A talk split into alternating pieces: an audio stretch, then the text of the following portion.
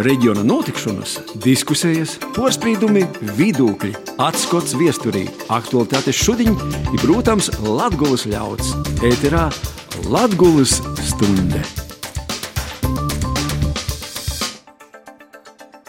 Vasarī skaņojumu sots Latvijas stundē pie mikrofona Tenis Bikovskis.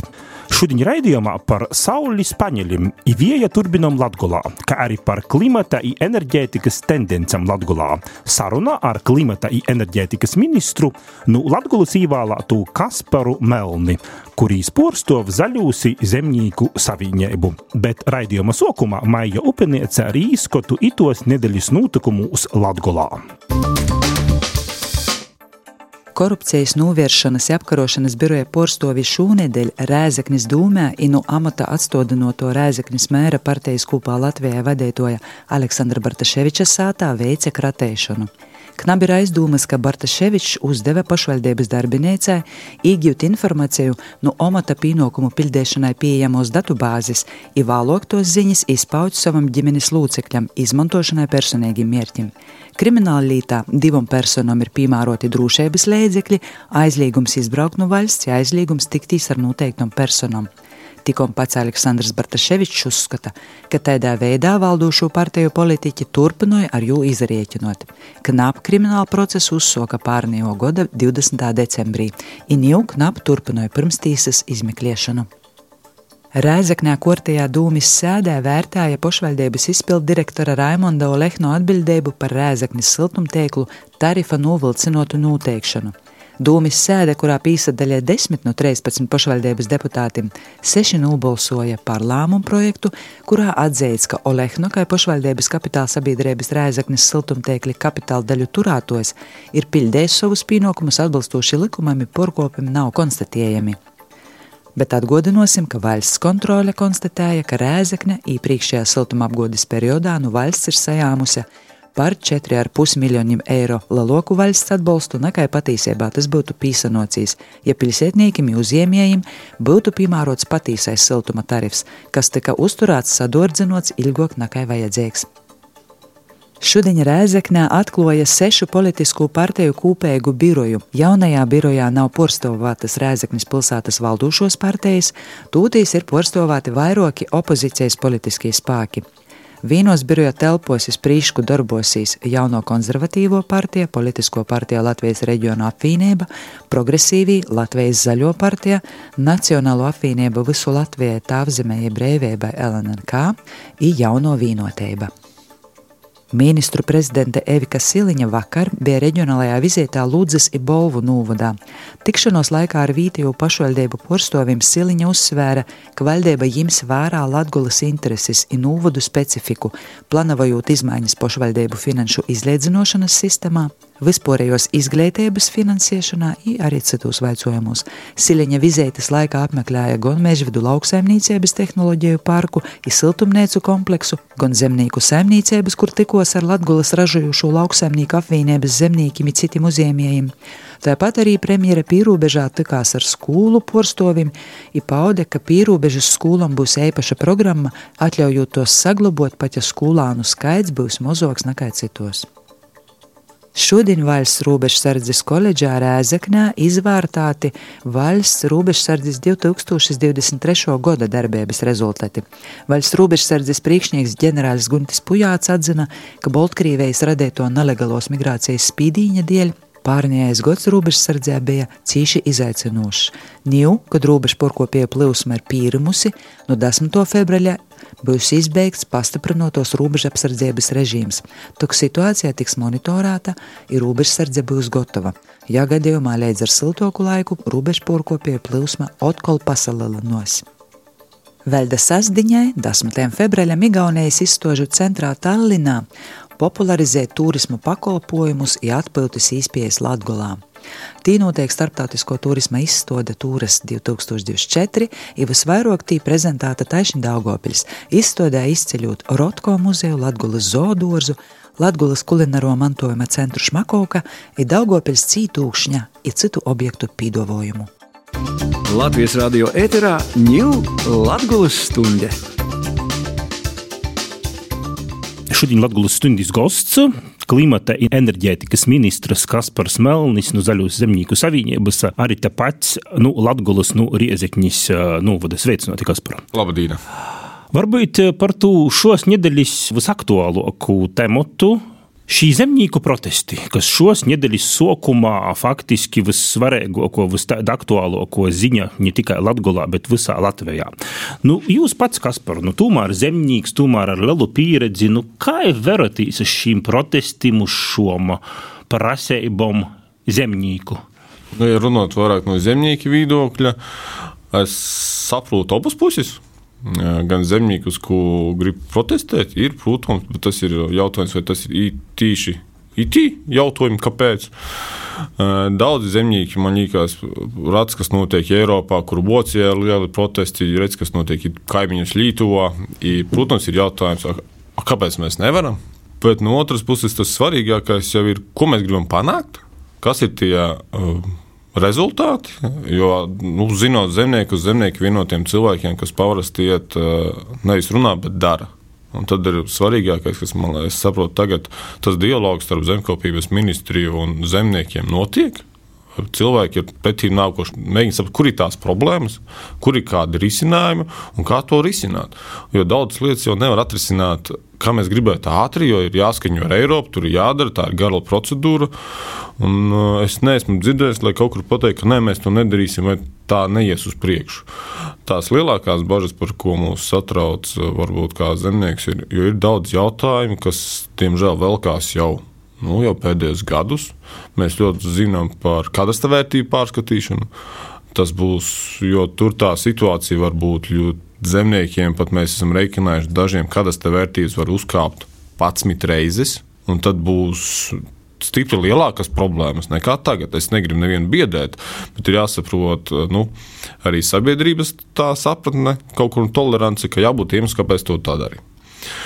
Un es teiktu, vai tagad ir? Jā, piekrīt, Eiropā notiek protesti, un es saprotu, tie, kas vēlās un atbalstu, tiešām vajag, lai ieklausās zemniekos. Bet svarīgākais jau saprast, lai sabiedrība saprot. Un liela tāda negatīvā puse ir, ko mēs varbūt arī lauksaimnieki, es arī, kad vadīju nevalstisku organizāciju, ko vienmēr mēģināju vairāk stāstīt un darīt, nu, mēs redzam tādu negatīvo tēlu lauksaimniecībā īpaši. Un pēc tam mēs atkal sūdzamies par to, ka kāpēc jaunie lauksaimnieki negrib strādāt, Kāpēc cilvēki uzskata, ka lauksaimniecība ir, es negribu teikt, neveiksmīga, bet uh, nozare, kur nav nekādas perspektīvas, un mēs paši sev šaujam kājā? Bet, tī protesti, dēļ ko tīši tagad jūs tikko pieminējāt šos arī Eiropas protestus, tas tā solidarizējūtīs, jūsuprot, vai tomēr ir pamats? Es domāju, kā kuram?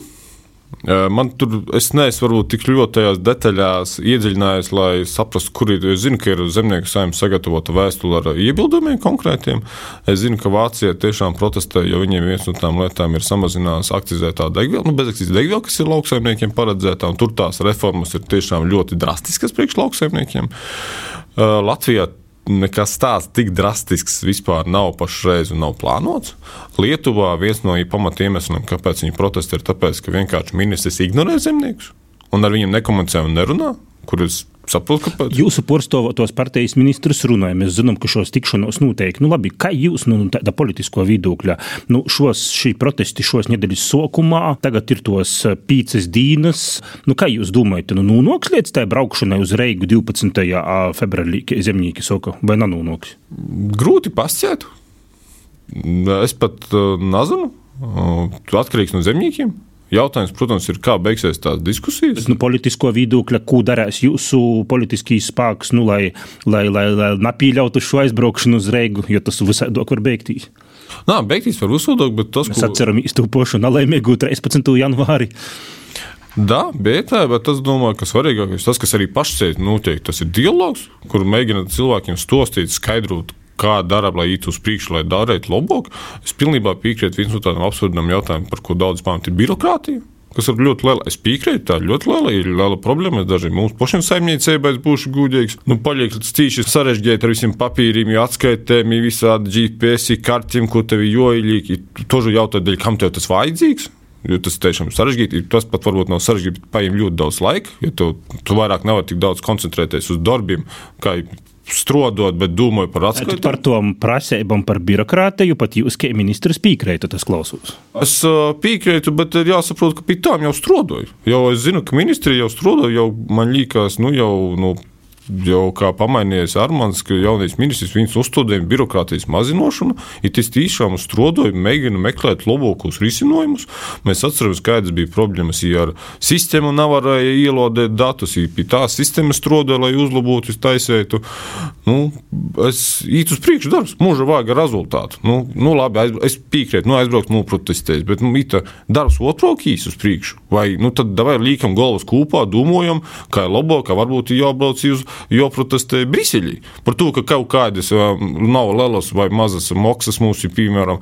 Jo tā, kad bijām, es pats atceros, esmu braucis uz Briselī uz protestiem, kad bija par tīšmaksājumiem, daļiešana, ka Latvija ir viena no zemākajiem. A cik tad tu aizbraucam zemnieki? Ot būšu gudīgs.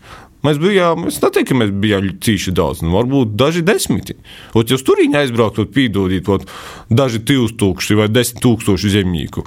Ot, ja tur mēs dabūtu naudu no Eiropas, būtu pavisam cita attieksme. A mums tā attieksme ir, jā, es piekrītu, mēs protestējam, bet rezultāts, Ot, ko mēs gribam pas, panākt. Jo, jo par to birokrātiju tā jau nav Latvijas izdomojums. Tur ir jāskaņo ar Briseli, ka mēs mainām, ka mēs tādu netaisīsim. To jāsaprot, no kurienes tas nāk. Sekosim līdzi, bet uh, runājot par, par KEMU, par klimata, klimata un enerģētikas ministriju, kuru jūs šobrīd vadat. Nu, tāda jauna ministrija arī pašā omata sokumā tūs dažus mēnešus, četrus tagad sanāk, laikam, mēnešus ap, ap, aptuveni atpakaļ. Daudzas diskusijas bija arī, arī par jūsim pošu, jo savulaik jūs te par to KEMU te izasacētīs, kad izvai tāds kems ir vajadzīgs. Nu, izstāstiet varbūt, kāds tas bija sokūtņējīs jūsu uzskats par, par tā tādu klimata enerģētikas ministriju, un, un kāds ir tagad pašam jau vadūt?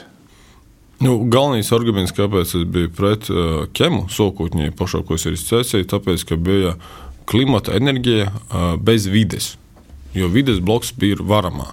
Līdz ar to ja, ir varamā.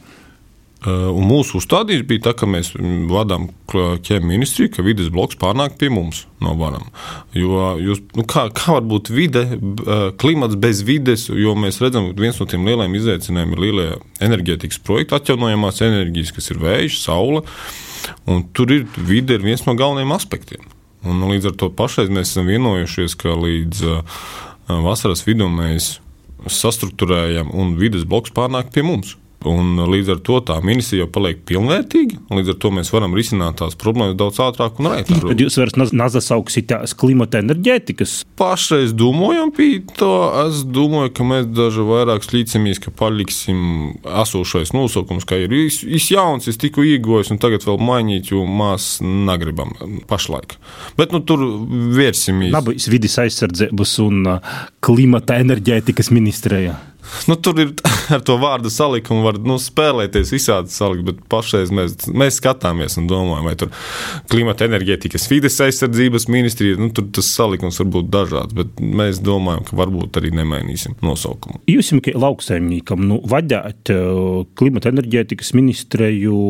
Nu, ir dzirdēts, ka nu, tomēr daudzi lauksaimnieki arī nevienmēr par tādām klimata un zaļam lītam ir dažādi lauksaimnieki. Nu, protams, tagad tos prasības ir, protams, joīvārai. Un arī tas jautājums no tos puses, ka tomēr arī jūsu porcelānijas spēks zaļus un zemnieku savienība. Nu, mēs zinām, ka daudzi zemnieki tomēr izmantoja arī ķimikālais mākslojumus, tā toļok, un atkal zaļos lītes ir zaļos lītes. Kā tas īt, īt kopā, jūsuprāt? Es nezinu, kur ir izveidojies tāds stereotips, tīri, nu, ka, ja lauksaimnieks, tad tu neesi zaļš vai neesi zaļš domājošs. Tāpēc man ir ļoti labi, ka man ir tā pieredze Es zinu, kāda ir tā galda otrā pusē lauksaimnieka pieredze, kad tu strādā, un arī zinot no savas saimniecības, kur mēs strādājam. Mēs vienmēr esam skatījušies uz zaļo virzienu, lai kļūtu zaļāki un efektīvāki. Jo tas, ko varbūt daudz, varbūt, nu, nezinu, nu, pieraduši, tas um, kaut kāds vecās stāsti par to, ka, nu, ja lauksaimniecība, tad tur minerāli mēs tur kaisa pa labi, pa kreisi, tur viņus tur laist un tur viss kaut piesāņo. Nu, tā nav. Mēs jau tagad skatāmies par tām tehnoloģijām, lai kļūtu efektīvāki. Jo pirmkārt, tu kļūstot zaļāks, tu kļūsi arī efektīvāks, jo tu mazāk patērē gan minerālu mēslus, gan to pašu ķīmiju, gan visu, kas pirmkārt maksā lielu naudu. Un mēs visi mēģinām, kā varam kļūt zaļāku un efektīvāku, mēs tam ejam uz priekšu. Protams, varbūt nav tā, ka lauksaimnieki nu, skaļi bļauj par to, ka nu, re, kur es tagad palieku zaļāks. Nu, nē, bet tu strādā tajā virzienā, vienkārši ej uz to pusi. Arī saimniecības pusē mēs zinām, un tagad arī domājam par to pašu kaut kādu mēslu tehnoloģiju, kā to attīstīt. Tagad ir dažādi veidi, kas pirmkārt ir zaļāki, efektīvāki, mazāk smagas, ir, bet to arī no tā dabū efektu. Un uz to pusi viss iet.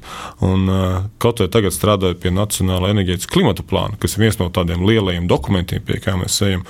Un tur es gribu maksimāli, mēs taisām maksimāli plašas diskusijas ar, ļoti, ar visiem sektoriem, nevalstiskiem organizācijām, ar tieši ar, gan ar vides, gan ar zaļajām, gan ar lauksaimnieku, lai dabūtu tos. Un tas pamatjautājums ir, nu, iesniedziet priekšlikumus, idejas, kā mēs varam kļūt zaļāki.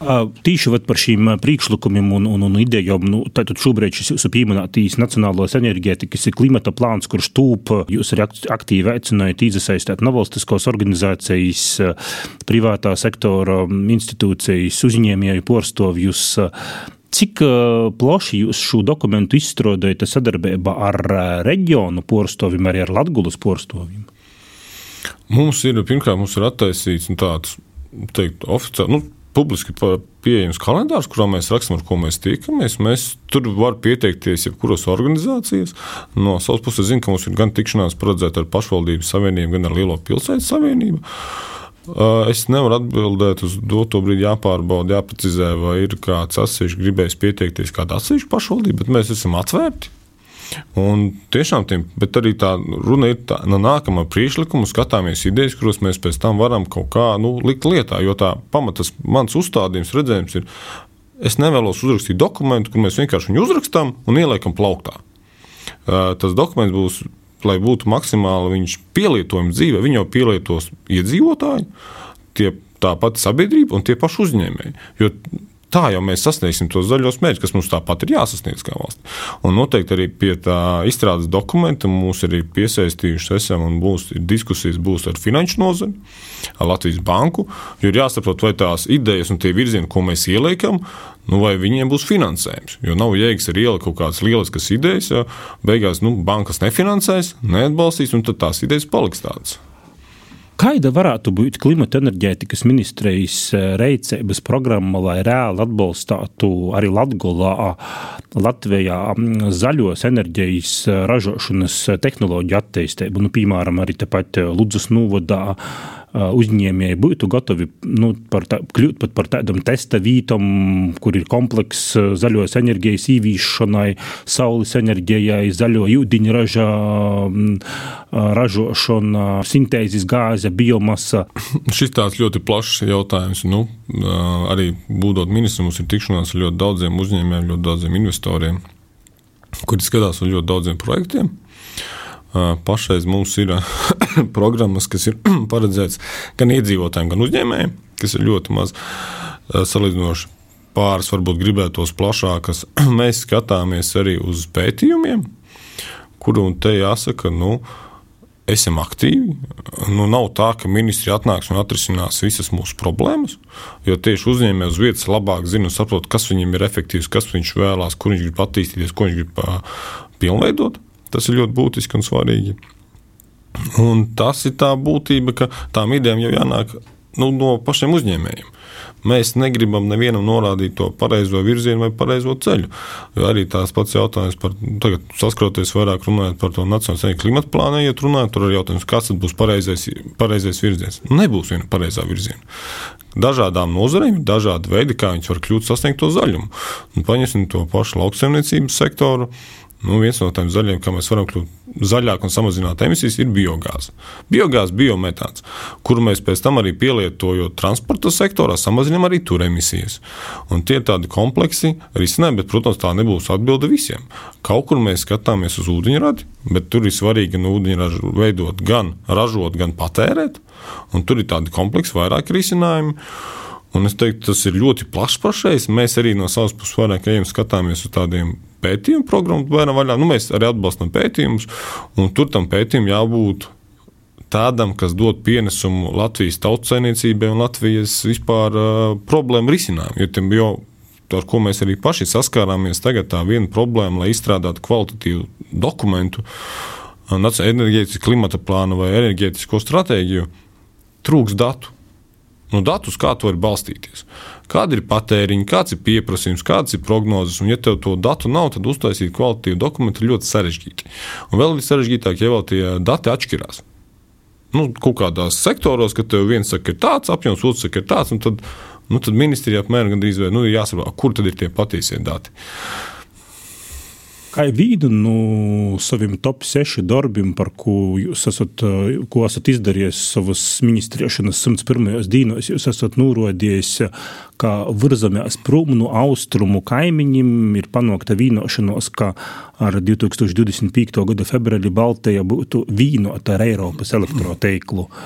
Kā tas fiziski varētu notikt, kā tā infrastruktūra mainīsies un kā tas skars vai neskars pierobežas iedzīvotājus? Nu, tiešā nozīmē, pierobežas iedzīvotājs tas neskars nekā. Tā ir esošā infrastruktūra, tiek tagad uzlabota. Mums ir jau Pagājušajā mēnesī vajadzēja pabeigties visiem galvenajiem betonēšanas darbiem, kas ir grobiņā, kur mums viens no tiem lielajiem ir, protams, jāsauc sinhronie kompensatori, kas būs tie, kas noturēs frekvenci. Latvijai paredzēta trīs uzstādīt. Līdz maijam jābūt uzstādītam, atvestam grobiņā, pēc tam ir Ventspīlī un viens ir Daugaupīlī līksnā. Šogad viņiem visiem jābūt atvestiem, un nākamgad visiem jau jābūt palaistiem. Kas par noteikti klausētojus varbūt nesaprot, kas ir sinhronais kompensators. kompensators. Man toža bija par Izskaidrojiet eisumā. Tā runa par to, ka pašreiz mēs esam pieslēgušies pie Krīvijas tīkla, kas ir vēsturiski bijis. Krīvija notur frekvenci elektroenerģijas un to viņi kādai ieierā. Pašreiz, ja mēs atslēdzamies no Krievijas, tad jautājums, kas to noturēs? To... Aparatūra, kas uztur teikla tu, tu darbību. Vienkāršiem vārdiem. Jā, vienkāršiem vārdiem tā ir. Tas ir pašreiz mēs strādājam pie tā, lai mums toža būtu tāda aparatūra, lai mēs varētu paši uzturēt tu teikla darbību, to frekvenci, lai nav nekādu, ot, lai lampiņas nepārdaktu sotā, kad ot, frekvenci nūstoja augšā, lai, ot, lai stabili strodot. Ja pašreiz mēs pie to strādājam, mēs ejam pēc uh, katras, nu, regulāri, katras divas nedēļas es tīklos ar augstsprieguma tīkļiem, ejam skrupulozi cauri izpildes laika grafikiem. Skatāmies, kā īt vai nav novirzis, jo tur ir tā darba, ir gan sinhroni kompensatori, gan visas mozos īkortas, gan drošinotojas sistēmas, visas ejam cauri, lai viss būtu pēc laika. I, protams, tas ir viens no prioritātes jautājumu, ko kastreiz tīkoties ar uh, Lietuvas vai Igaunijas kolēģiem, porunājam, kā īm ar, nu, ar izpildi. Jo skaidrs, ka mēs atslēgsimies visi treis kūpo. Tad šobrīd mēs atslēgušies vēl nāsam. Nā, nā, mēs vēl nāsam atslēgušies, bet mēs esam gatavi. Ja nu gadījumā, jo mēs saprotam, kādā situācijā mēs dzīvojam, ka vienā brīdī var mūs atslēgt. Nu, tāda ir tā realitāte. Mēs tam esam gatavi. Mums ir plāns uh, B. Nu, pat ne tikai plāns, bet ir jau pat mocības, kas ir ko darīt, lai to situāciju būtu, lai mēs būtu tam darīt, gatavi. Lai mēs varētu pārvarēt to. Bet tā atslēgšanās fiziski no Krīvejas uh, uh, teiklim nokušgot. Nokušgot februārī. Da, nokušgot februāra beigās. Un tad mēs napierkam vispār no tos Mēs, mēs jau pašreiz neko nepērkam no Krievijas. Mēs, bet mums notiek plūsma. Ja nu, pazaver karti, tu vari redzēt, AST, ka tur visu laiku nokauta elektrība nok no Krievijas, ja mēs, ja mēs dodam Krievijā, tad tas ir tāpēc, ka ir elektrība cauri plūst Latvijai, Baltijai uz Kaļiņgradu. Līdz ar to tā plūsma notiek, bet elektrība vispār netiek pirkta jau no Krievijas jau labu laiku necik. Par to Krieviju vēl runājot. Zinām, ka tomēr šai ministrē arī tika viens no galvenajiem aspektiem, kāpēc tie tika izveidota, ir, lai mēs domātu par to savu energoneatkarību. Nu, kā ir ar to energoneatkarību šobrīd? Tikko parunājām par elektrību, viss porējīs gāzes, naftas. Nu, Pašķiet, mēs esam ļoti lielā drošībā, ja mēs runājam. Nu, tā drošības variantā mēs skatāmies pagājušo gadu no Inču kalna kroti, jo šogad bija es teiktu, gandrīz vai rekordu pilnu. Salīdzinot ar pilnākā pēdējos 5-6 gadus, mēs arī tagad redzam, ka viņi pašreiz ir vairāk nekā 56% pilni. Nu, bet jau sezona iet uz beigām, kas ļoti normāli būs arī atlikumi. Tas par apkumu tādā ziņā par drošību, ka gāze mums ir un pietiek. Runājot par pašu jaudām, protams, liels uzstādījums, par ko mēs strādājam, ir mums vajag vairāk ģenerējošās jaudas šeit uz vietas Jo mēs vairāk paši saražojam, jo mūsu lētāka elektroenerģija būs. Un tas ir lielais jautājums. Mēs redzam, ka diemžēl projektu attīstība nenotiek tik raiti un ātri, kā mēs gribējām. Nu, var minēt, nu, ka mums ir 6045 megawati rezervētās jaudas, kas ir paredzēts tieši nu, saules, vēja parkiem, kas varētu ražot. Nu, tā izbūve no viņiem ir dikti nekāda, nu, ļoti, ļoti lēna. Tur ir dažādas problēmas, gan birokrātiskas, gan arī, nu, atklāti sakot, ka ne visi vairāk ir gatavi uzbūvēt, bet viņi, viņš ir norezervējis un viņš uz tām jaudām, es atvainojos par tādu, nu, tā kā, nu, nav gatavs šķirties. Un te mēs pašreiz ministri izstrādājam noteikumus, lai motivētu cilvēkus, kas, lai tie, kas grib uzbūvēt, viņiem palīdzētu tikt pie jaudām, lai varētu izbūvēt. Un tas ir ļoti fundamentāli svarīgi. Jo, protams, mums ir deficīts. Ja mēs skatāmies kopīgi e, Baltijas reģionā, tad ir arī labas lietas. Mēs esam vieni no tiem retējiem, kas spēj e, pat pārdot elektroenerģiju un saražot vairāk nekā patērējam. Jo mums ir Hesu kaskāde, un mēs esam vieni no tiem, ja Latvija var saražot vidēji 70% no pašpatēriņa. Nu, tajā pašā laikā lietuvieši var saražot tikai 40%. Un Igauniem ir cita problēma. Viņiem ir uh, slānekļa gāze, kas ir vēl netīrāka par oglēm, kur viņiem meklē risinājumu, kā to problēmu vispār atrisināt. Jo skaidrs, ka viņiem spiež Eiropu ar visu zaļo kursu un vispār to meklē citu risinājumu, nu, ka to ražošanu vajadzētu pārtraukt. Jo tas tiešām nu, vidē ļoti lielu kaitējumu rada. Līdz ar to mēs esam ļoti labā stāvoklī. Iespējams, tas nedaudz mūs iemidzināja, ka mēs par tām jaunām jaudām tik ļoti nedomājam, tāpēc, ka mums jau bija viņas vēsturiski ļoti labas, mēs esam ļoti labā situācijā. Mums arī ļoti labi ir tīkla sistēma. Augstspriegam. Tagad mēs ministrijā skatāmies no savas puses, protams, par tādu niansu kā efektīvu tīklu izmantošanu. Mēs saskaramies, nu, ja saules efektivitāte ir kaut kur no tīkla noslodzīta 10% gada griezumā. Nu, no jaudas, kas viņam ir rezervēta, pieslēgta vējam 40%. Nu, mēs skatāmies no savas puses, ka ir ļoti labi būt hibrīd parki, kur ir vējš un saule pieslēgts kopā, jo tā efektivitāte būtu tīklam 50%. Ir liels prieks, ka arī uzņēmēji to ir saklausījuši, to mūsu ideju un to virzību. Jo, ja vēl decembrī kaut kur 80% no visām rezervētajām jaudām bija tīri uh, saule. Tikai saule. Tad tagad saule ir palikusi 56% no visām rezervētām. Nu, cilvēki maina uz hibrīdu versiju, kad ir saule un vējš. Līdz ar to tā kustība ir uz to pusi. Latvijas radio ēterā ņūl Latvijas stunde. Skaņa raidījums Latvijas stundē šos dienas Latvijas stundī sazrunājamies ar klimata un enerģētikas ministru Kasparu Melninu Zaļūs zemnieku saviņēbas. Aizvien vairāk arī Latgolā pīrūbeža atsateistās šī saules parķi, vierīnieks parks atklāts pie pošas Zilupis, Planovajās augstogavas novadā, Bolvu novadā pie robežas. Kā jūs šos visas iniciatīvas vērtējat, ko tas dod reģiona attīstībai? Cik tas var tā kopumā palīdzēt ekonomiski attīstīties reģionā? Tas ir lielisks pienesums gan enerģētikai drošībā, gan arī ekonomikā. Pienesums ir. Protams, tur būs savi zināmi izaicinājumi. Es pieņemu, ka jau uzņēmēji to ir atrisinājuši un redz arī savu ilgtermiņa plānu, kā viņi tas ir. Jo vasarā tur ir izaicinājumi. Mēs zinām jau pagājušajā gadā, ka saulainā dienā birža pat ir ar mīnusu zīmi. Tas nozīmē, ka tev ir Saules parkam ir jāpiemaksā par to, ka tu ražo. Līdz ar to tas zināmā mērā spiež vai nu likt akumulācijas iekārtas, akumulatorus, lai tu pa saulainā dienā saulē uzkrājies, tad dod vakarā. Tas dod pozitīvu pienesumu valstī, jo tas arī to kopējo izlīdzsvaro elektroenerģijas piedāvājumu, un līdz ar to arī tā cena nesvārstās tik daudz. Tev nav tādas tik krasas tie lecieni. Jo tad sanāk, ka saulainā dienā, jo ja mēs būtu tikai uz saules, tad saulainā dienā tad elektrība maksā neko tev piemaksā, bet tā, ka tev ir trīs ēnainas dienas, nu tad tā elektrības cena uzliek augšā, jo vienkārši nekas neražo. Līdz ar to valstiski mēs skatāmies, lai to sabalansētu un lai būtu tas vidusceļš. Bet privātpersonas ir daudz arī šobrīd diskusiju par šīm saules paneļiem. Ir īgoši ar vienu aktīvu pēdējos gadu laikā, cevišķi pat pēdējo gadu laikā ļoti aktīva, pat privātpersonam ir šī saules paneļu likšana. Nu, daudzi projām domāju, likt, nelikt, ko jūs viņiem varat pasakāt. Es noteikti aicinu cilvēkus apdomāt un izskatīt iespēju. Mēs līdz ņemot vērā lielo cilvēku. Nu, vēl, nu, vēlme pieprasīt par to, ka esošo sistēmu viņi vēl grib paspēt uzlikt. Mēs esam pagarinājuši esošajai sistēmai pieteikšanos līdz aprīļa beigām. Decembrī vien bija vairāk nekā 1290 pieprasījumi, nu, kas ir uzstādījuši savus paneļus.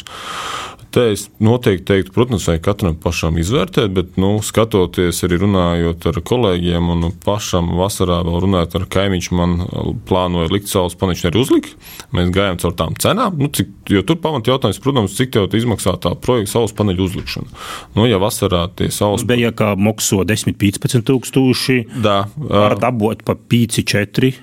Nu, ļoti precīzi, jo tagad, kad mēs skatījāmies vasarā ar visu 4000 atbalstu, runāja par 11 kW, nu, kas ir maksimums, ko var uzlikt uh, esošajā sistēmā ietvaros. Tad vasarā izmaksātās iekārtas nu, no, mēs, mēs skatījāmies nu, no 13 līdz 8000. Nu, tagad es skatos, ir ļoti daudz reklāmas, kur piedāvā, un arī zinu, arī kolēģis, kas uzlika nu, 3900. 400. Es saku, 4 pīci. Jā, un nu, tad, protams, ir pavisam cita matemātika, ir pavisam cits tev jāatpelna pavisam citas naudas, un es teiktu, noteikti skatieties, izvērtēt, ja varat, un esošā sistēma darbosies līdz 29. gada februārim.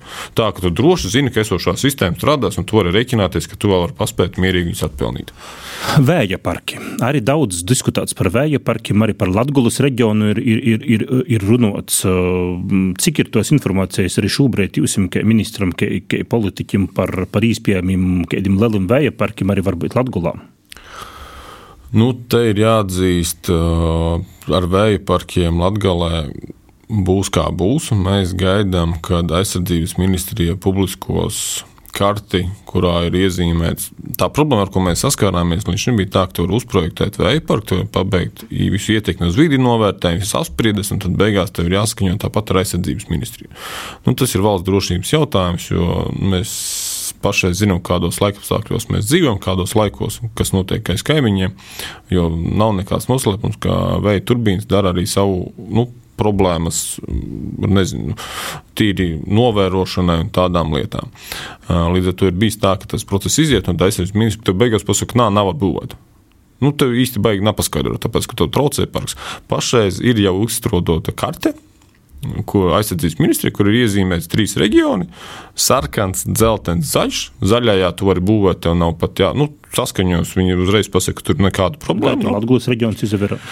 Dzeltenā ir tur, kur tu vari būvēt, bet tev ir jāsaskaņo, ka iespējams kaut kādas izmaiņas, kaut kāda traucējuma. Tur ir jāmeklē risinājums. Nu, un sarkanā zona ir tur, kur viņi pasaka, ka nu, nē, ka tas traucē valsts aizsardzībai un ka tā ka tur ir ļoti liels risks un ka tur to jautājumu viņi vienkārši pasaka, ka nevarēs būvēt.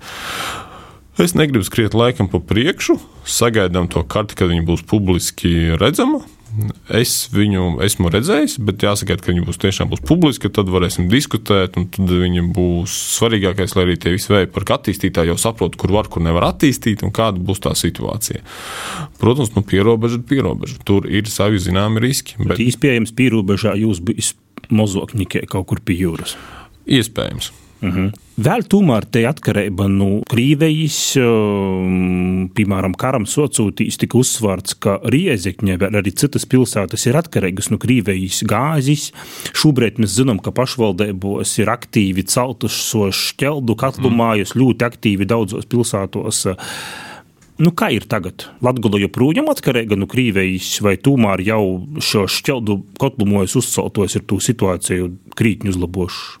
Es sacītu, ka nā, nav. Pirmkārt, sāksim ar to, ka mums vairāk Krievijas gāzes nav īsti jau ir, nu, ir arī no Amerikas nāk gāze iekšā ievest, un no Krievijas puses vispār vairāk nekas nenāk. Pie mums līdz ar to arī skatoties, gāzes cena ir pavisam tagad biržā ir nu, ļoti zema. Runājot par, protams, arī ļoti daudz šķeldas katlumājas ir uztaisīts. Šeit lielais uzdevums, kas ir mūsu viena no prioritātēm, ir ministrija nosargāt to, ka šķelda un biomasa skaitās atjaunojamais energoresurss arī pēc 2030. gada. Jo līdz 30 gadam mēs izcīnījām, ka viņa ir atjaunojama enerģija, bet pēc 30 gadā vēl ir jāizcīna. Jo, ja Eiropā tas viedoklis ir dažāds, un ja viņi pateiks, ka tā nav, tad mēs vēl dabūsim maksāt emisiju kvotas par to, ka mēs izmantojam savu šķeldu, un tad tā cena par apkuri būs pavisam cita. Te nu tas ir mūsu, bet es teiktu, ne tikai mūsu, bet arī nozares lobby par to, ka ejam kopā, cīnāmies un pārstāstam un izstāstam. Bet tā lielākā drošība arī runājot par to pašu dabasgāzi, nu vēl jau dabasgāzes vietā ļoti labi arī var būt tas pats biometāns. Ir, un tad mēs runājam par drošību. Nekā drošāk par to, ko mēs paši šeit uz vietas saražojam, nekā nav. Mēs viņu varam saražot. Un no mūsu puses skatāmies, kā mēs varam attīstīt to. Nevis pirkt kaut ko ievest no kaut kāda gāzes vai no tās pašām citām vēros, bet ko mēs varam šeit pašas vietas saražot gan nodrošināt gan darba vietas, gan ekonomiku, gan arī savu zaļumu veicināt. Mums Latgolā joprojām ir uh, liels uzņēmums uh, Latvijas trans uh, ilūkstē, kurš tātad agrāk bijušas naftas vots uz, uz, uz, uz Ventspili, nu šobrīd te trubas stov tukša, nu jūs vēl tu uzņēmumu, nu tikai uztur, bet tur darbības nav. Nu, kā tāda liela uzņēmuma, ja tas tomēr tāds liels uzņēmums Latgolā, kur arī darba vietas, nu kā jūs redzat, nu tur nekādu variantu un tur viss cauri? Ja jūs domājat naftas plūsmu no Krievijas, tad tur viss ir cauri. Jā, tur viss ir cauri. Jautājums uzņēmumu spēju pārstrukturizēties. Un, tas izklausās ļoti viegli man tā teikt no malas, ka vajag pārstrukturizēties, pārmainīties, skatīties uz citiem tirgiem, citām nišām, bet es arī ļoti labi zinu, kā uzņēmums, cik tas ir sarežģīti un cik tas ir grūti. Bet nu, skaidrs, ka tā niša Krievija mums uz doto brīdi ir cieta, un tuvāko laiku arī būs. Īlēkam pa to cauruli, nu, neko citu nav reizi pumpēt uz to Ventspili. Mm, ir bijuši visādas idejas, ka tur varētu kaut kādu gāzi un domāt, bet nekā tāda, teiksim, realistiska, kur vai kāds būtu atnācis un gatavs kaut kādu projektu un investīciju, pašreiz nav. Jo nu, tā patiesība ir tāda, kāda ir. Jā, tā. Jo tur man liekas, arī es pat nezinu, es iedziļinājos, tur jau bija vēl strīdi par to, kam, kam pieder tā nafta, kas ir caurļu vadā. Es nezinu, buferu nafta, kas, kā, kā tur tas viss beidzās. Es pat nevaru atbildēt tik sīkni, es iedziļinājos. Ejot toļok, nu, nu tāda klimata enerģētikas ministra posteņa raugūtīs uz tādu transporta sistēmu reģionā. Nu, te ir tāda tomēr būtiska reģiona attīstība, lai cilvēki mobīli būtu mm, laiciņu atpakaļ, tika runots par šo vilciņu elektrifikāciju uz Latgolu, tur no tos dūmus atsasecējās tas sabiedriskīs transports arī nu, līdz galam, arī pat Rēzekņi, lielu pilsētu, nu, nav tik savienojums ar Reigu, nav tik ideāls, jo, piemēram, darba dīnos joprojām pēc pīciem vakarā un līdz naktī sabiedrisko transportu uz Reigu pat nu Riezekņis nav, ir tikai naktī un pa dīnas vidu. Um, nu, kā jūs šos jautājumus vērtējat? Es teiktu, ka tie ir ļoti svarīgi. Es arī pats ļoti labi zinu, ko nozīmē sabiedriskais, jo man pašam arī braukāju uz Rīgā ar vilcieniem no rīta ar zilupīti. Es arī esmu runājis par to, ka man liekas, tas ir zināmā mērā absurdi, ka viņš iet, nu, iet trīs ar pus stundas no Reizeknas, ņemot kā vispār dzelzceļa infrastruktūra attīstījusies un tie vilcieni Es ilgi nevarēju saprast, kāpēc viena diena ir viena vilciena, otra diena ir vecāka, viena diena jaunāka. Man, man, es tur ilgi domāju, ka tu, kā tu brauc regulāri, tad es saprotu, no rīta viena diena ir jauns, viena diena vecs, un kā tur sanāk, ka man beigās viens izskaidroja, ka iet tas, kas nav salūzis. Un tad es to sapratu. Nu, skaidrs, jautājums, tur nav nekādas dziļākas tās idejas. Un tur mēs runājam no savas puses arī visu laiku, teikt, atgādinot satiksmes ministram par to, ka tur jābūt risinājumam. Tur jābūt jau tagad jāsaprot, uz kur mēs ejam. Jo skaidrs, ka elektriskie ir jāsaka, diemžēl, skarbi vārdi, bet iepriekšējiem satiksmes ministram, kurš noraka vienkārši visu projektu, kas bija jau gatavs saskaņots ar finansējumu, ar uh, dzelzceļa elektrifikāciju. Vai tad elektrifikācijā līdz Riezikņa un Daugopilī būtu jābūt? Es pilnīgi. Tā ir vienīgā sapņa, kā es redzu, ka tad vismaz mūsu elektriskie vilcieni varētu arī līdz mums atnākt. Tagad mums ir elektriskie vilcieni. Es, es runāju, tagad viņi domā par kaut kādiem bateriju vilcieniem. Dīzeļvilcieni arī.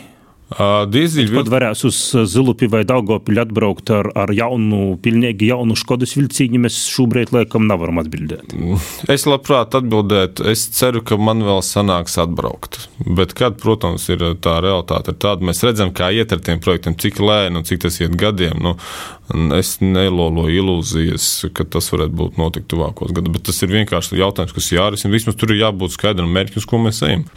Klimata enerģētikas ministre arī, arī, arī šis, piemēram, atkritumu vaicojums arī tā, ka, nu, tā, ka varētu būt arī jūsu ministrijas dīnas kortībā šī arī atkritumu apsaimniekošana, nu, līdz tam 2035. gadam ir tie noteikumi, ka nu visiem atkritumiem tikai 10% iespējams varēs būt apglabāti. Šobrīd tie ir faktiski vairāk nekā puse. Nu, kā jūs to vērtējat? Kā mēs ar, kā mēs ar to šķirošanu ītu un ar to otrreizēju porstrodi? Nu, patreiz atkrituma jautājums nav zem klimata enerģētikas ministrijas, bet mēs izskatāmies, ka skatām, ka nu, pēc pusgada varētu pāriet mums kopā ar vidas bloku arī atkrituma jautājumu. Varbūt jūs ministram arī to noksīs arī strādājat? Uh, nu, tad varbūt, ka noksīs. Mēs jau no savas puses skatāmies, mēs jau mēģinām saprast, kur ir tās iespējas. Jo atkritumu pārstrādē ir arī savi plusi. Mēs runājam par to pašu biogāzi, ko var ražot, pārstrādājot atkritumus organiskos. Protams, tās ir investīcijas, tur ir jāskatās, kā mēs to jautājumu varam atrisināt. Bet, nu, protams, tas ir lielais mūsu visu kā sabiedrības uzstādījums. Mēs arī iestājāmies Eiropā, mēs uzņēmāmies to, ka mēs gribam būt zaļāki. Mēs visi par to saprotam, ejam, nu, tur būs daudz visādi izaicinājumu, tāpat atkritumu šķirošana. Te varbūt iespējams ir jāpārdomā nu, tā arī skarbā patiesībā. Kur ir tā problēma? Problēma ir daudz, gan pašā šķirošanā, bet viens no tādiem lielajiem arī jautājumiem, par ko skatoties, nu, par atkritumu daudzumu. Ja mēs paskatīsimies, man parasti kaut kad arī, kad bijot vēl Eiropā, skatoties, runājot par to prezentāciju, tad Eiropā atkritumus veido kaut kur no pārtikas iegādes, kaut kur gāja pat 50% aiziet atkritumos. 50% no tā, ko tu nopērci pārtikā, tu izmet miskastē. Nu, re, kur ir tā arī viena no tām pašām problēmām. Un te arī jāskatās katram pašam, būsim atklāti, cik daudz mēs tos atkritumus saražojam. Bet ir arī bijušas tos runas par atkritumiem, kā nu, Latvijas nu, rieziņas atkritumus varētu pat vest uz pīrēgu, lai dadzinotu tas klimata jomā, jūsuprāt, būtu tā labi, pareizi? Nē, nu, tas ir absurdi. Atkritumus vizināt šurpu turpu. Tas ir tie arī ir izplūdes gāzes un sporījis. Protams, tu jau ražo emisijas, kamēr tu tos atkritumus aizved no kaut vai reizeknes uz to pašu pierīgi, tev ir attālums. Tu pirmkārt tu infrastruktūru izmanto, kas ir ceļus, ceļus noslogo. Otrkārt, tā ir bīstama krava, kur var kaut kāda notikt avārija un kaut kas var notikt ar tiem atkritumiem pa ceļam. Jautājums, vai tev tie riski ir vajadzīgi? Loģiski, ka nē, tev jābūt kaut kādām lokālajiem punktiem, kur tas viss notiek bet ir jādomā strateģiski, ilgtermiņā, kā mēs tos atkritumus apstrādājam, pārstrādājam un par to šķirošanu. Nu, te mēs atgriežamies pie tā visa lielā stāsta, kas arī ietilpst Nacionālajā klimata plānā, nu, ka mums pašiem arī kaut kas ir jāmaina savā ikdienā. Nu, ir jāsaprot, kā varbūt mēs varam mazāk piesārņot un radīt tos atkritumus. Jūtis sarunas noslēgumu, un ir kāda jūma kurā, piemēram, nu, Latvija izceļas pozitīvi vai Latvija izceļas pozitīvi, jo tikko runājam arī par daudzām uh, problēmām. Nu, kas ir tas, ar ko mēs, piemēram, Baltijas valstīs vai pat Eiropas līmenī esam tādi, nu, mm, ar ko varam pazalepoties? Jo zinām, ka problēmu daudz, kas ir pozitīvīs. Nē, noteikti. Es vienmēr cenšos paskaidrot, ka ir labas lietas, ar ko mums ir jālepojas. Enerģētika ir viena no tām lietām. Mēs esam trešie zaļākie pēc ģenerējušām jaudām Eiropā. Mēs esam viena no. Mēs ir Hesilelī, ka mēs esam. Jā, mēs ražojam. Mums jau elektrību, nu. Jā, otrkārt, mums ir izcili labi tīkli, kas ir augstspējīgi tīkli un starpsavienojumi. Līdz ar to mums ir liels potenciāls, ka var nākt investori, var būvēt tos pašus vēja parkus un saules parkus. Mēs varam kļūt vēl zaļāk un varam vēl vairāk ražot zaļu elektrību. Un mums ir liels potenciāls ir eksportēt zaļu elektrību jo tas ir liels noiets. Līdz ar to ir arī perspektīvas ūdeņraža ražošanai ļoti liels. Un kas varbūt tādā Baltijas reģionā, nu, mēs esam līderi. Nu, Latvijā ir viena no retēm, mēs skatāmies, tā, kad ir lielās problēmas. Latvija spēja saražot vairāk nekā patērēt, un tas ir liels pluss. Bet, uh... Kurš ir tas mūsu latgulas zelts? Nu, mēs agrāk zinām, ka viesturiski liņi latgolā un, un mols, kas arī ir dabas resursus, bet šobrīd, šobrīd ir kaut kāda tāda, nu, ko, ko jūs varat izcelt, kas ir tas zelts, te, tie lītavs, ko, ko Latgolā būtu tā tīšām, kas ir poten, ar potenciālu tīši varbūt Latgulas reģionā? Cilvēki. Cilvēki, kas ir nenolaiž rokas, kas strādā, kas meklē jaunas risinājumus, meklē jaunas, inovatīvas idejas, viņas attīstīja un iet uz priekšu. Un lielākā vērtība ir cilvēki. Pie ko tiem cilvēkiem ir jāpīstrādājas? Tas ir katram individuāli, tas ir individuāls stāsts par cilvēku, bet ir cilvēki, ar kuriem mēs varam lepoties, kas ir uztaisījuši lieliskus uzņēmumus, kas strādā, neskatoties visām varbūt globālajām problēmām likstām, kas ir ļoti interesanti. Ja tu ar tiem cilvēkiem parunās, tad viņi vairāk runās par iespējām, kādas ir, nevis par problēmām, kuras tu nevari atrisināt. Un tiešām pozitīvi iedvesmojuši satikties ar uzņēmējiem, dažādiem, arī ar vienkārši cilvēkiem, kas ir pozitīvi noskaņoti, kas meklē risinājumus un kas arī nāk un stāsta, ka rekur ir problēma bet viņi nāk nevis ar problēmu, bet uzreiz ir risinājumi. Ka re, kur ir risinājums, ka mēs redzam, ka to var atrisināt. Jo par problēmām mēs varam runāt visi daudz un dikti, bet vajag jau risinājums meklēt un iet uz priekšu. Arī savā ministrijas pusē es ļoti labi saprotu tos ierēģus, kad mēs runājam par kādu klimata likumu, kur bija apspriešana, mēs saņēmām vairāk nekā 140 ieteikumus, un daļa, daļa no tiem ieteikumiem bija, kur, nu, ne ieteikumi, bet kritizīgi, kas saka, vispār tos likumus nevajag, vispār priekš kā viņš ir vajadzīgs, kāds raksta, nu, likumu, lai mēs aizliedzam likumā, lai mūsu mums nemiglo lidmašīnas, kas lido augšā. Nu, tad es saprotu tos cilvēkus, ka kādam jau tur jāatbild uz tiem jautājumiem. Bet ir arī jāsaka paldies ir tiešām cilvēkiem, kam ir labi priekšlikumi, kurus mēs ņemam vērā un kas ļauj uzlabot gan likumus, gan uh, noteikumus, un arī tās pašas atbalsta sistēmas uztaisīt labākas, lai būtu plašākas. Un, lai kopīgi to valsts arī taisītu. Ar cilvēkiem mēs tiekamies, runājamies. Arī šodien man vēl paredzēta tikšanās ar, ar uzņēmējiem. Tieši Latvijā. Tīši Latvijā, tīši Ludzā mums ir sarunāta tikšanās, porunot par uh, zaļās enerģijas perspektīvām. Uzņēmējiem ir idejas, kā mēs varam sastrādāt, lai ideja vairāk virzītu uz priekšu. Kur ir saskata problēmas, kur ir kaut kāda, kur, kaut kāda risinājuma, varam atrast kopīgu. Nu, tā ir uz priekšu. Un tas jau tas svarīgākais. Protams, es teiktu, ka svarīgi ir būt aktīviem, iesaistīties, vērot, kas notiek, varbūt kādas labas idejas izcīnīt, tad, nu, teiktu, nakautrēties, bet uh, runāt par tām, nokt ar savām idejām uz priekšu. Paldies, ka atrodat laiku atnākt uz Latvijas radio Latgulas studiju. Šodien sazrunājamies ar klimata un enerģētikas ministru Kasparu Melninu Zaļūs zemnieku savienības. Latvijas radio ēterā ņūl Latgulas stunde. Raidījuma turpinājumā Laura Sondera ar īskatu kultūras notikšanos Latgolā. Napalaid garam! Kultūras pasauciņa apskats tuvākajam dienam! Vasarī klausētoju, klotin ir pīkdina, ja es aicināju jūs iz labam kultūras notikšanam mūsu pusīm. Tīši tan Baltinovas muzikas un mākslas skolas kamerzālē notiek dzīšmu krojuma dzīšmu skrēna atdarēšanas svātki – Dzīšmu skrēne ir Baļķinovas etnogrāfisko ansambļa dzīdotos dzīsmis ar tekstim un melodiju pierakstu latgalīšu rakstu valodā, vairāk nekā simts tautas dzīsmēm. Krojums ir īpašs ar to, ka tamā pirmo reizi ir pierakstītas nūts i vordi tieši Baļķinovai raksturīgajā izlūksnē melodijos. Baļķinovas etnogrāfiskajam ansambļam ir bogota viesture, Tas ir viens no vecākajiem, izzināmākajiem latviešu tradīciju kūpjiem Ziemeļvidgulā.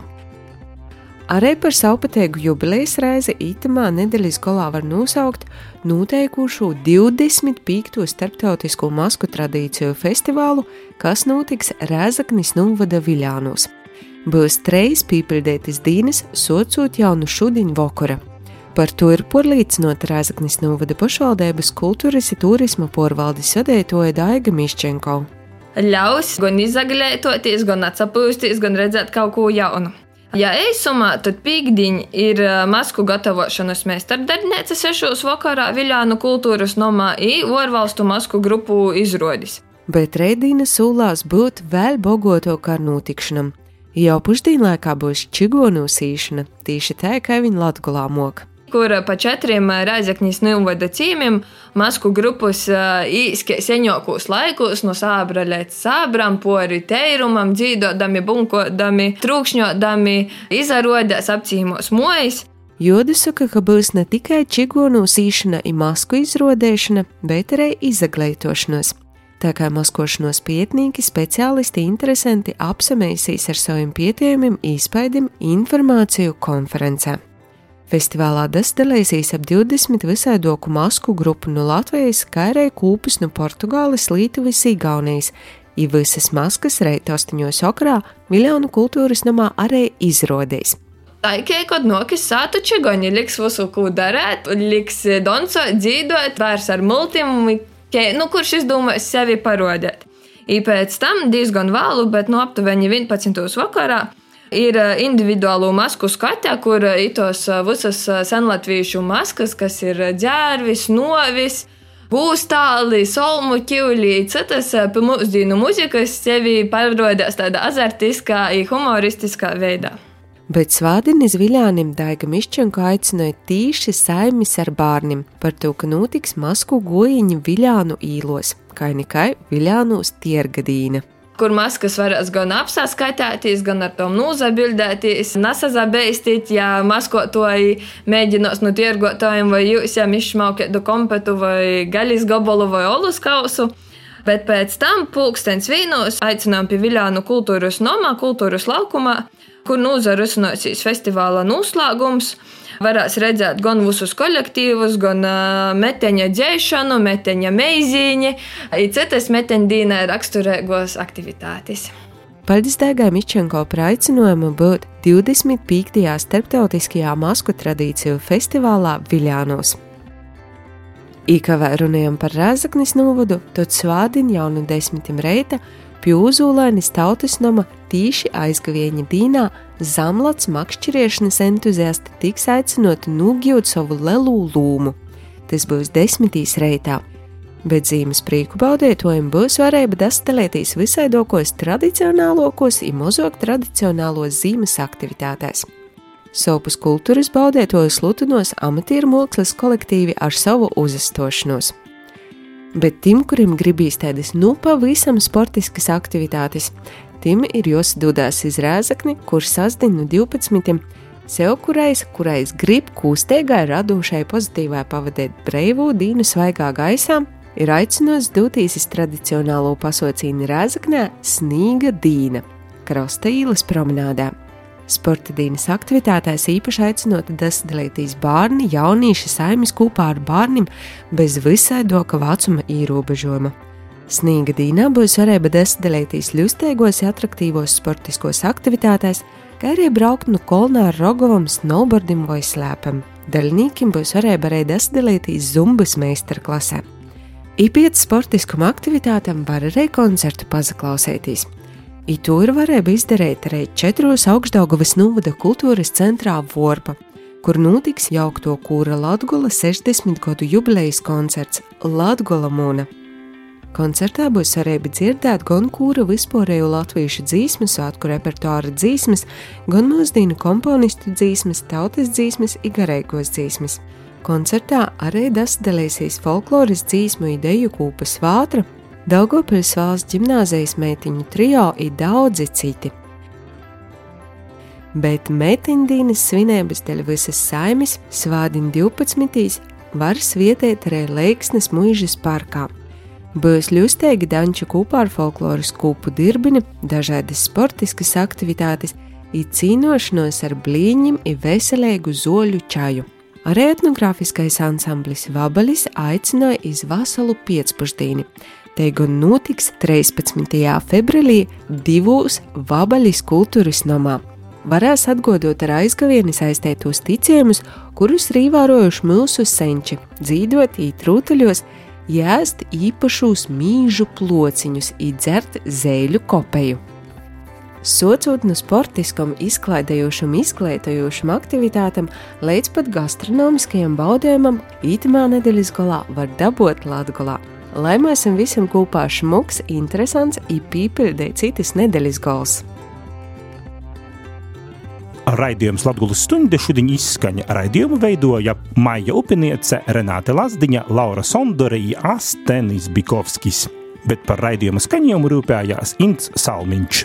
Izsasdzirdēšanu tepat Latvijas stundē jau nokušņedeļ.